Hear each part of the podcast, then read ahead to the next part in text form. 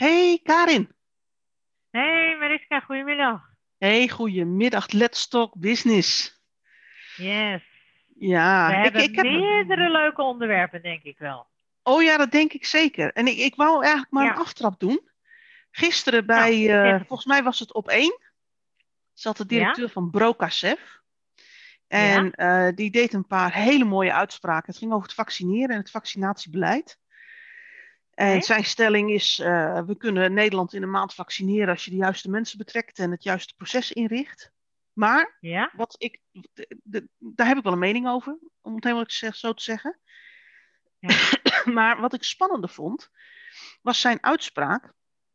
eh, het doel wat, zeg maar, wat nu nagestreefd wordt. En zijn Mhm. stelling is: het doel wat de regering nu nastreeft met alle maatregelen, is om te, Ja. Is te voorkomen dat we in het zwarte scenario terechtkomen.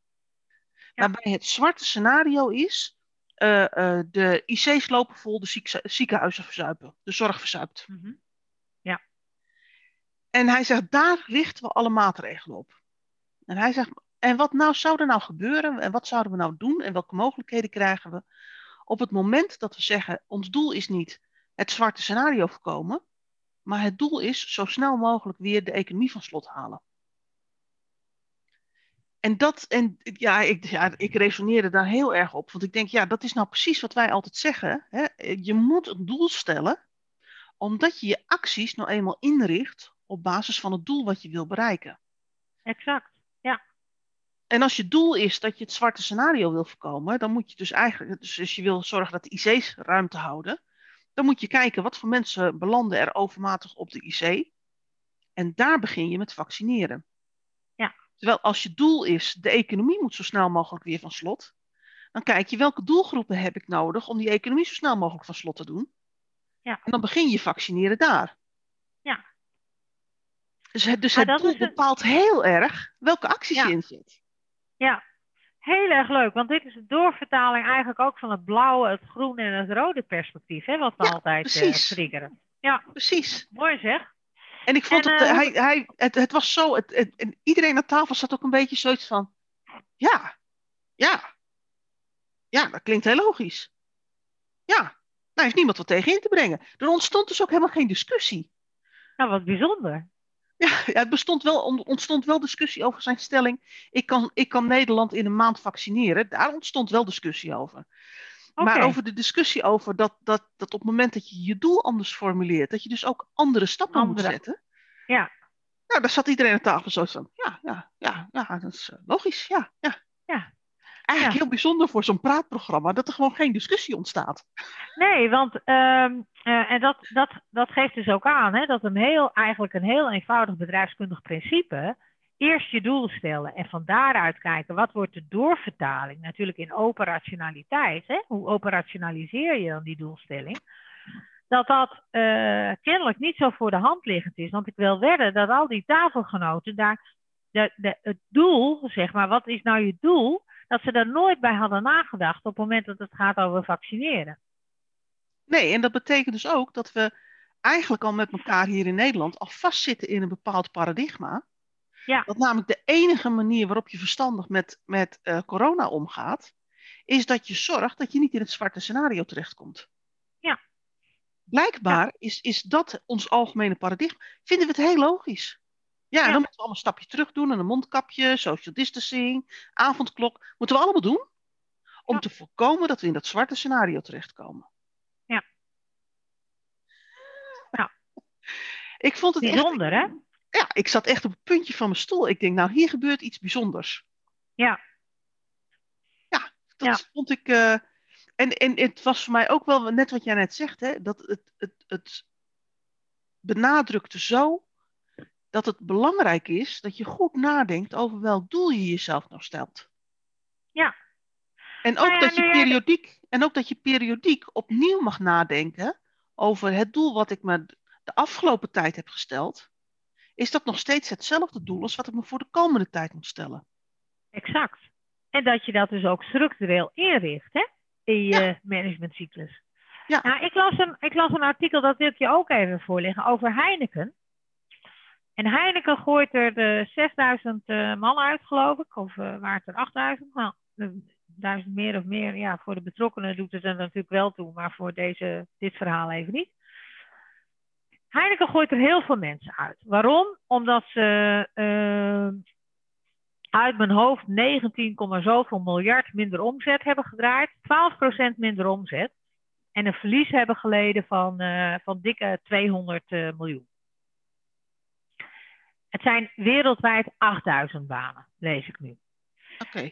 Nou, en de CEO, ehm, die uh, later ook geïnterviewd wordt, die zegt van ja, meespelen in de Champions League, daarbij hoort ook dat je op de kosten let. En dat vind ik altijd mooie uitspraken, want dan denk ik, ja, wat zegt die man nou eigenlijk? Hè? Want zoals jij weet, op kosten saneren, en dan ga je uiteindelijk geen toekomstig bestaansrecht mee creëren. Nee, op dus kosten saneren, op kosten saneren is, is structureel, laag na laag, een stukje ja. van de organisatie wegsnijden. Juist. En dat, dat kent zijn einde. Ja. Maar, uh, gegeven de aanname van deze meneer, namelijk, we gaan 8000 man eruit doen, we hebben verlies geleden, hè? Uh, lees, wij zitten in een marktverandering, uh, corona.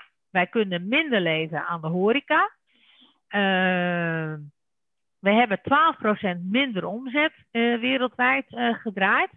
En daarom moeten wij onze kosten in, in, in, in, in, in, in balans brengen met de omzet die we nog wel hebben. Dat zou natuurlijk een hele gelegitimeerde actie zijn op het moment dat het zo is zoals die meneer ook voorspelt. Hè? Na corona gaat de wereld weer open, krijgen we weer horeca, wordt er weer bier afgenomen en we drinken weer uh, uh, 19 miljard erbij, zullen we maar zeggen, wereldwijd.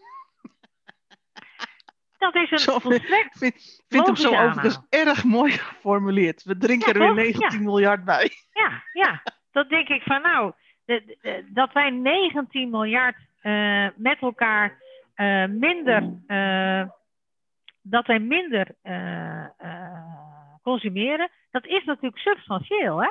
En, en drinken die mensen dan dat bier thuis niet, vraag ik me dan af. Of kunnen ze gewoon zonder die 19 miljard aan bier? Maar goed, dat zijn allerlei andersoortige vragen. Ik geef het meteen toe.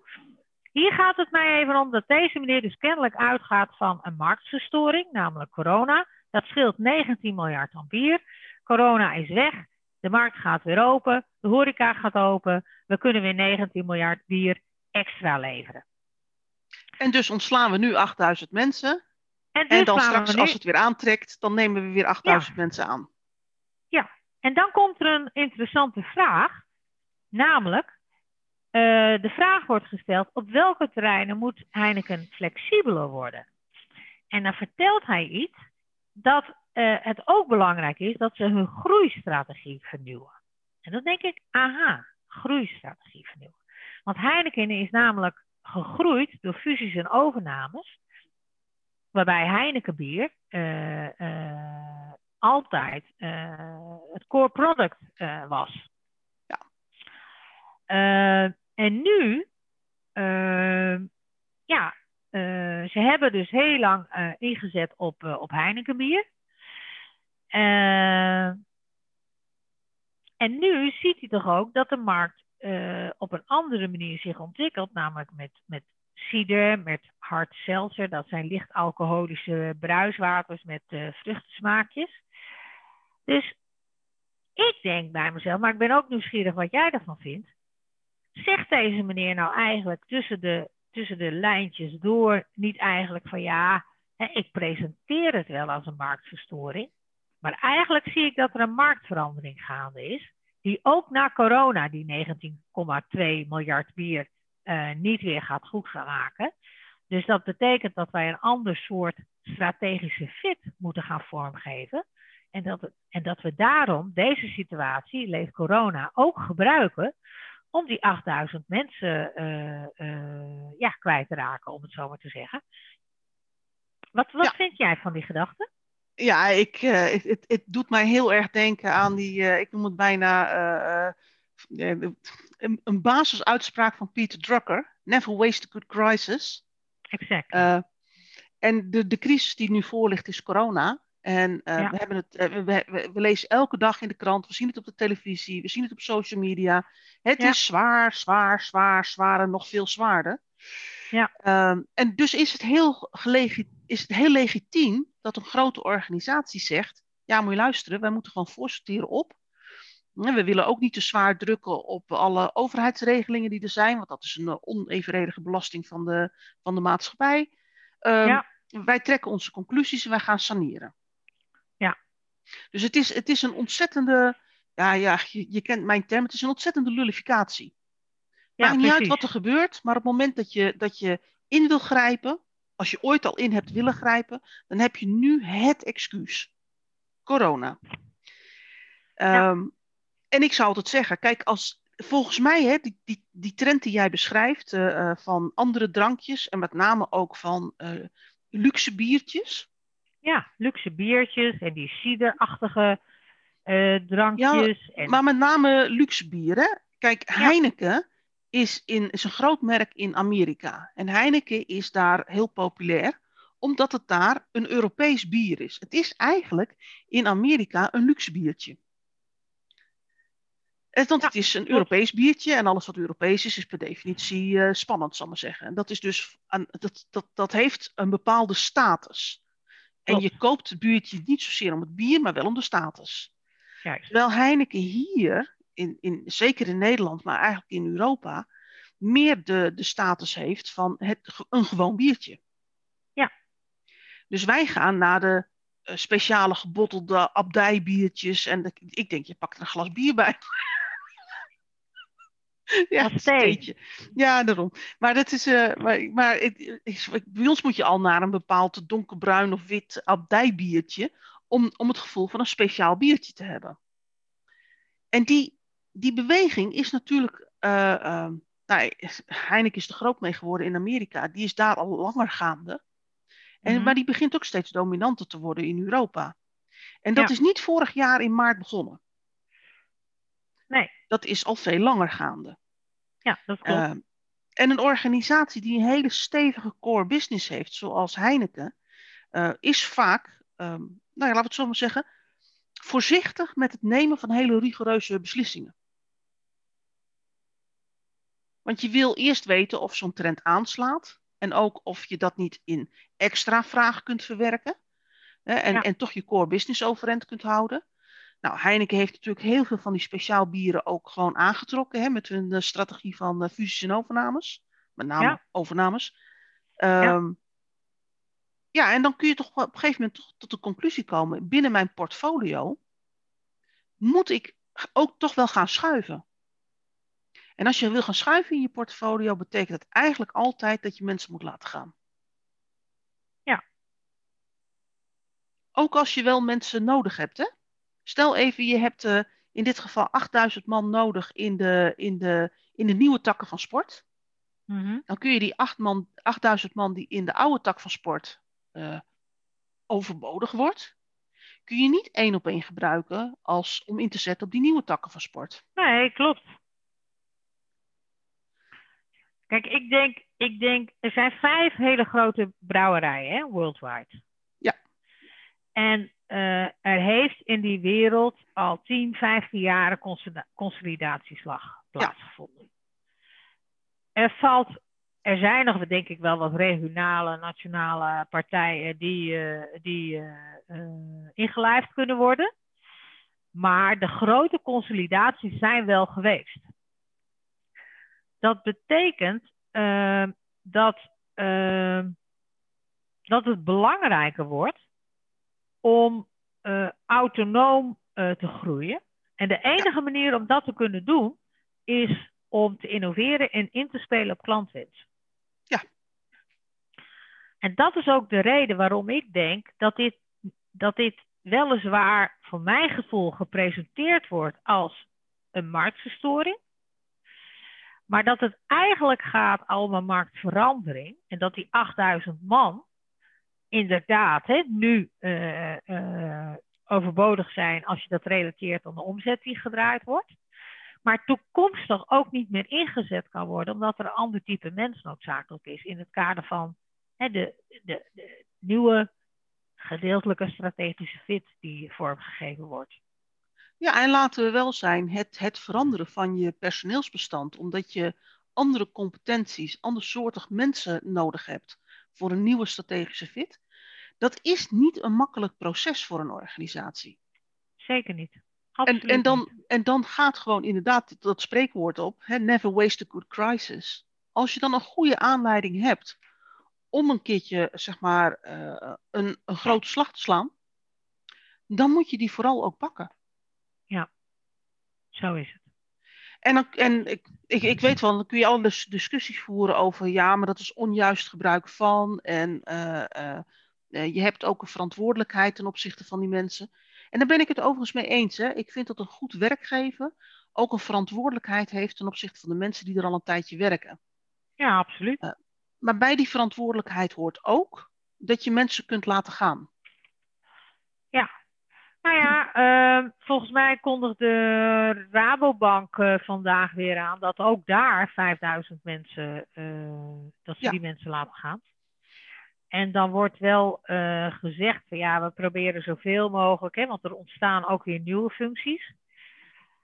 Ja, welke functies dat dan zijn, dat wordt even niet gesteld. Maar wel wordt gesteld dat ze zoveel mogelijk proberen om de mensen die overbodig worden op de oude functies in te zetten op de nieuwe functies.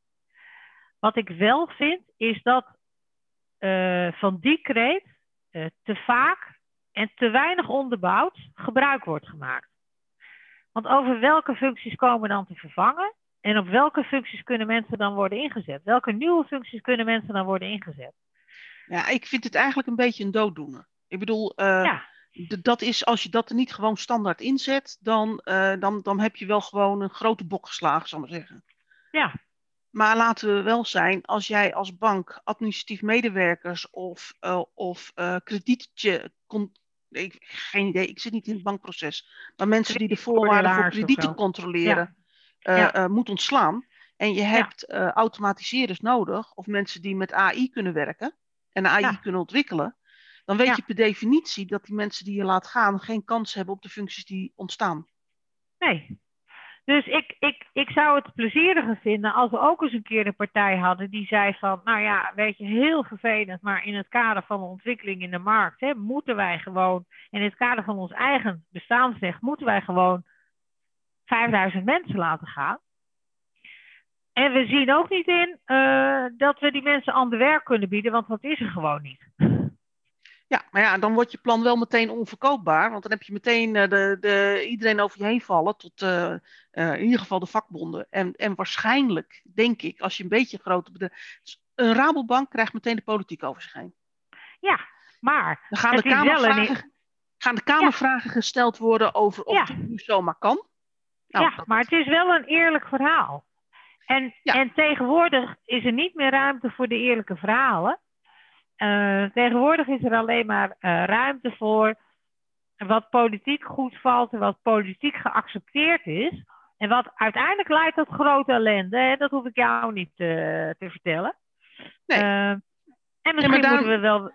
Daarom, daarom, daarom zeg ik ook, daarom zei ik net ook, van ik vind het ook bij goed werkgeverschap horen. Dat je niet alleen zorg hebt voor je mensen op het moment dat ze bij je werken, maar ook zorg hebt voor je mensen door ze uh, uh, door eerlijk te zijn in termen van: uh, ik heb geen werk meer voor je. Nee, precies. Want er is niet zo erg als, als want ik, die, die, in die gevallen ken jij ongetwijfeld ook, dat mensen weggepromoveerd worden, omdat ze nou eenmaal een lang dienstverband bij de organisatie hebben, en dat ze ja. dan op een, op een plek zitten waar ze eigenlijk gewoon niet horen. En waar nee. ze geen uh, toegevoegde waarde hebben voor de organisatie. Waar ze zelf ook geen toegevoegde waarde kunnen leven. Ook niet beleven dat ze toegevoegde nee. waarde hebben. En dan, nee. dan ik, ik, noem het dat maar pauzeplaatsen. Ja, en iedereen die het erover heeft. Hè? Ik bedoel, uh, niks ja. wreder dan dat. Ik, ik, ja. ik ken ook zo'n geval uit mijn eigen carrière. Man was vroeger directeur geweest. Zijn positie kwam te vervallen. Nou ja, zijn positie eigenlijk niet. Hij werd gewogen en ongeschikt bevonden. Ja.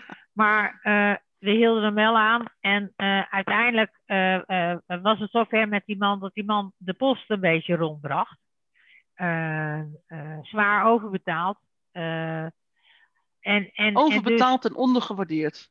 En ondergewaardeerd. En iedereen had het erover. Van ja, wie is die man eigenlijk die de post hier komt rondbrengen? Wat doet die man eigenlijk? Ja, die was vroeger directeur. Directeur? Weet je, dus en die man, dat is zo vreed tegenover mensen, want die man die moet dat ongetwijfeld ook gevoeld hebben.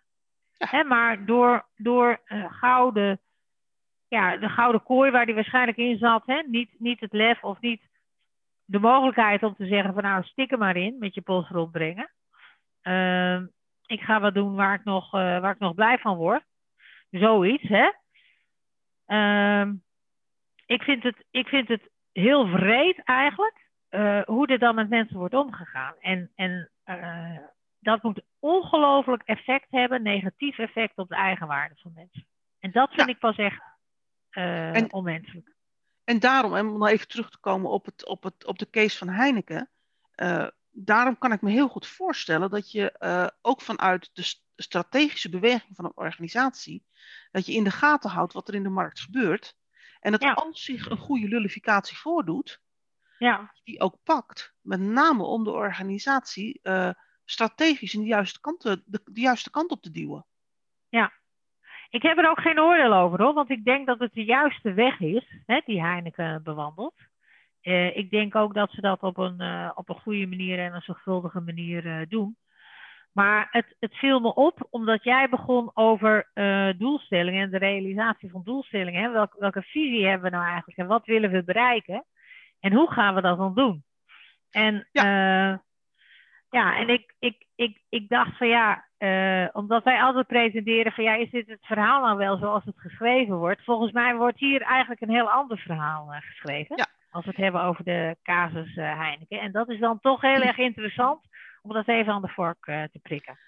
Ja, ik, ik denk wel, hè, nu je dat zo zegt, dat het nog even los van het bericht wat naar buiten gebracht wordt en wat wij in de media lezen, dat het bericht binnen in de organisatie, en dan gaat het weer over van, de, van kies je nou eigenlijk wel uh, het belang van het kiezen van het juiste doel, ja. uh, is op het moment dat je ook intern zegt van, luister, dit is een marktverstoring en om de kosten te beperken, moeten er nu 8000 man uit. En als de markt weer aantrekt, nemen we weer 8000 man aan.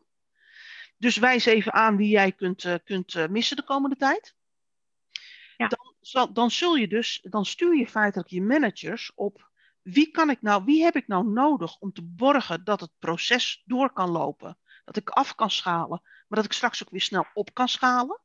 Ja. Dan maak ik dus een selectie van wie heb ik nodig in dat afschalen- en opschaalproces. En wie kan ik nu laten gaan en eventueel straks weer terughalen. Ja. Terwijl het verhaal, als het verhaal is, uh, uh, wij, wij schalen af, maar we schalen permanent af, omdat we ergens anders gaan groeien dan moet ik dus ook een andere boodschap, een ander doel meegeven aan mijn managers. Ja. Want dan gaan ze heel anders kijken naar en wie laat ik dan nu voorlopig gaan? Ja. Of wie laat ik definitief gaan? Ja, klopt. Het is een, het is een andersoortige selectie die je maakt. Klopt. Uh, en we weten niet hè, hoe het verhaal intern uh, Nee, nee, nee, dat weten goed om dat denk ik er even bij te vermelden. Hè? Dus misschien wordt dat wel op een goede manier gedaan. Uh, maar ik denk dat het heel, heel terecht is dat je, dit, uh, dat je dit zegt. Vandaar ook dat de vergelijking, hoewel misschien op het eerste gezicht wat vreemd met dat, met dat Bekova of uh, Brokasev. Brokasev. Die, uh, die zei van ja. Het is een groothandel in, in, in medicatie- en drogisterijartikelen. Ja, nou, Brokasev, op het moment dat hij zegt van ja, het is interessant, hè, onze doelstelling is voorkomen hè, dat de ziekenhuizen in code zwart uh, terechtkomen, dan maak je andere keuzes dan dat jouw keuze is uh, de economie zo snel mogelijk weer open ja. bij vaccineren. Net zoals dat het doel, het doel, we schalen nu af om straks weer bij te kunnen schalen, tot andere keuzes leidt, dan we schalen nu af omdat we op andere manieren willen groeien. Precies. Ja. En, dat, uh, en daar zit wel de parallel in, uh, in dit verhaal. Ja, het is, het is, het is een hele andere afstap, hè, maar eigenlijk werkt het precies hetzelfde als we nu kijken over de hele discussies van wat doen we nu met leerlingen op school. Ja. Moeten we nu wel of niet een examen organiseren? Ja. Terwijl het eigenlijke vraagstuk volgens mij moet zijn, hoe zorgen we dat de doorstroom van leerlingen goed verloopt. Precies. Dat, dat een jaar, uh, uh, zeg maar 12 of, of 16 maanden corona-ellende, er niet voor zorgt dat we straks verloren generaties hebben. Precies. Dat is een andersoortige vraag. Het is een andersoortig ja. doel en leidt Ja. dus ook tot andersoortige acties. Ja. Exact. Is natuurlijk, is natuurlijk wel lastig in een land waar we, ik kom het zeggen toch maar een keertje, waar we minister-president hebben die zeggen dat de visie alleen maar in de weg zit. Ja, en, eh, en eh, op het moment dat je wel hebt dat je naar de oogarts eh, moet of zo. Of nou, iets was het hè, in die trant. Ja, nou, die heb ik dan Ja. niet gehoord, maar dit, dat, de, dat de visie alleen maar in de weg zit, dat, Ja. ja. Ik heb niks tegen de man, ik vind dat hij het best heel aardig doet, maar, maar dit zijn van die uitspraken waar je voor Ja. mij, zeg maar, eeuwigheidswaarde mee krijgt. Ja, ja, ja, ja. ja. Volgens mij krijgt hij die ook vaak om mijn oren geslingerd. Ja, Nee, maar heel, heel terecht hè, dat je, dat je die vraag, wat overigens eh, trouwens ook voor, eh, voor eh, niet alleen examenkandidaten, maar ook andere hè, de, de achtste, achtste groepers, zeg maar, hè, die naar de middelbare school gaan met hun CITO-toets. Maar ook, ook, ook andere middelbare scholieren en, en, en, en kinderen die op het basisonderwijs zitten. Ehm, ehm, ja, ik, ik, ik denk dat, eh, dat dat gewoon buitengewoon belangrijk is. Eh, dat, je, dat je met elkaar als doelstelling zou moeten hebben. eh, we willen geen leerachterstand bij die kinderen. En hoe creëren we dat? In plaats van, we nemen de leerachterstand al aan als zijnde een fait accompli. Dat is ons vertrekpunt. En van daaruit gaan we verder. Moeten we dan nog wel een examen houden? Moeten we dan nog wel, et cetera, et cetera? Hoe gaan die kinderen naar eh, een middelbare scholen? Is het schooladvies dan wel juist of niet? Ja. Ik denk, en daar spreekt ook zo weinig ambitie eh, uit.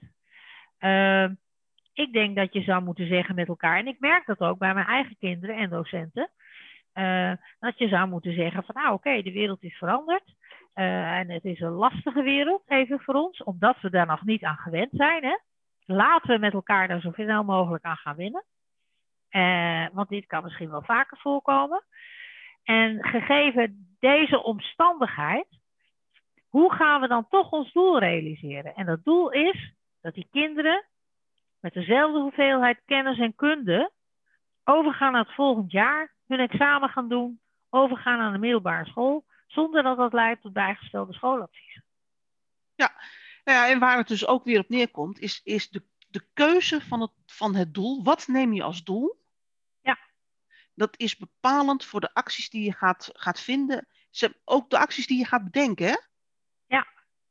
Want je, want je gaat aan andere dingen denken op het moment dat je je doel ergens anders eh, neerzet. Klopt. En, en, Maar en als, dat... jij, als, jij nou, als jij nou zegt van, eh, want ik zeg van ja, eh, het doel is wat mij betreft nog steeds het voorkomen van leerachterstand. Hè? Dus op dezelfde manier doorgaan en, en, en, en kijken dat die kinderen op een zo goed mogelijke manier overgaan naar het volgende jaar of een examen kunnen doen, et cetera, et cetera. Als je het nu hebt over hoe gaan we nou met de CITO-toets om en, en eh, moeten we wel een examen doen, wat voor doel zit daar dan achter volgens jou?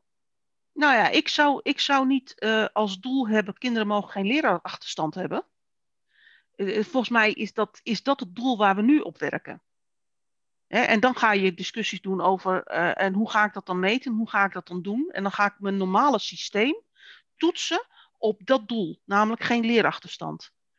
Terwijl volgens mij het doel zou moeten zijn, hoe zorg ik dat de kinderen die de afgelopen eh 12 en straks misschien 14, 16 maanden zeg maar, in aangepast onderwijs hebben gezeten, hoe zorgen we ervoor dat die maximaal doorstromen? Precies. En dat gaat niet alleen over kinderen die een wisseling van school moeten maken, maar dat gaat bijvoorbeeld ook over kinderen die dit jaar hebben leren lezen. Ja. Of die hebben leren rekenen. Ja. Uh, die hebben op de een of andere manier, door, dus, door, door de wisselingen in hoe wij lesgeven op scholen, uh, is daar iets mee gebeurd. Nou, ja. Je kunt ze klassikaal laten zitten en dan stromen ze dus niet door, roep ik hem nee. even. Dus nee. volgens mij zou het doel moeten zijn, we willen maximaal goede doorstroom hebben. Ja. En dan gaan we kijken hoe we het moeten regelen. Ja, precies. Moeten we dat regelen door de meivakantie en de zomervakantie af te schaffen? Ja. Moeten we dat regelen door uh, uh, tegen alle scholen te zeggen: je hebt tot aan augustus de tijd om met een idee te komen over hoe je van september tot december een keer zoveel stof er doorheen ramt? Dat zijn dus oplossingen die je bedenkt. Ja, ja. En dat gaat niet over uh, wegwerken van leerachterstand. Dit gaat over maximale doorstroom.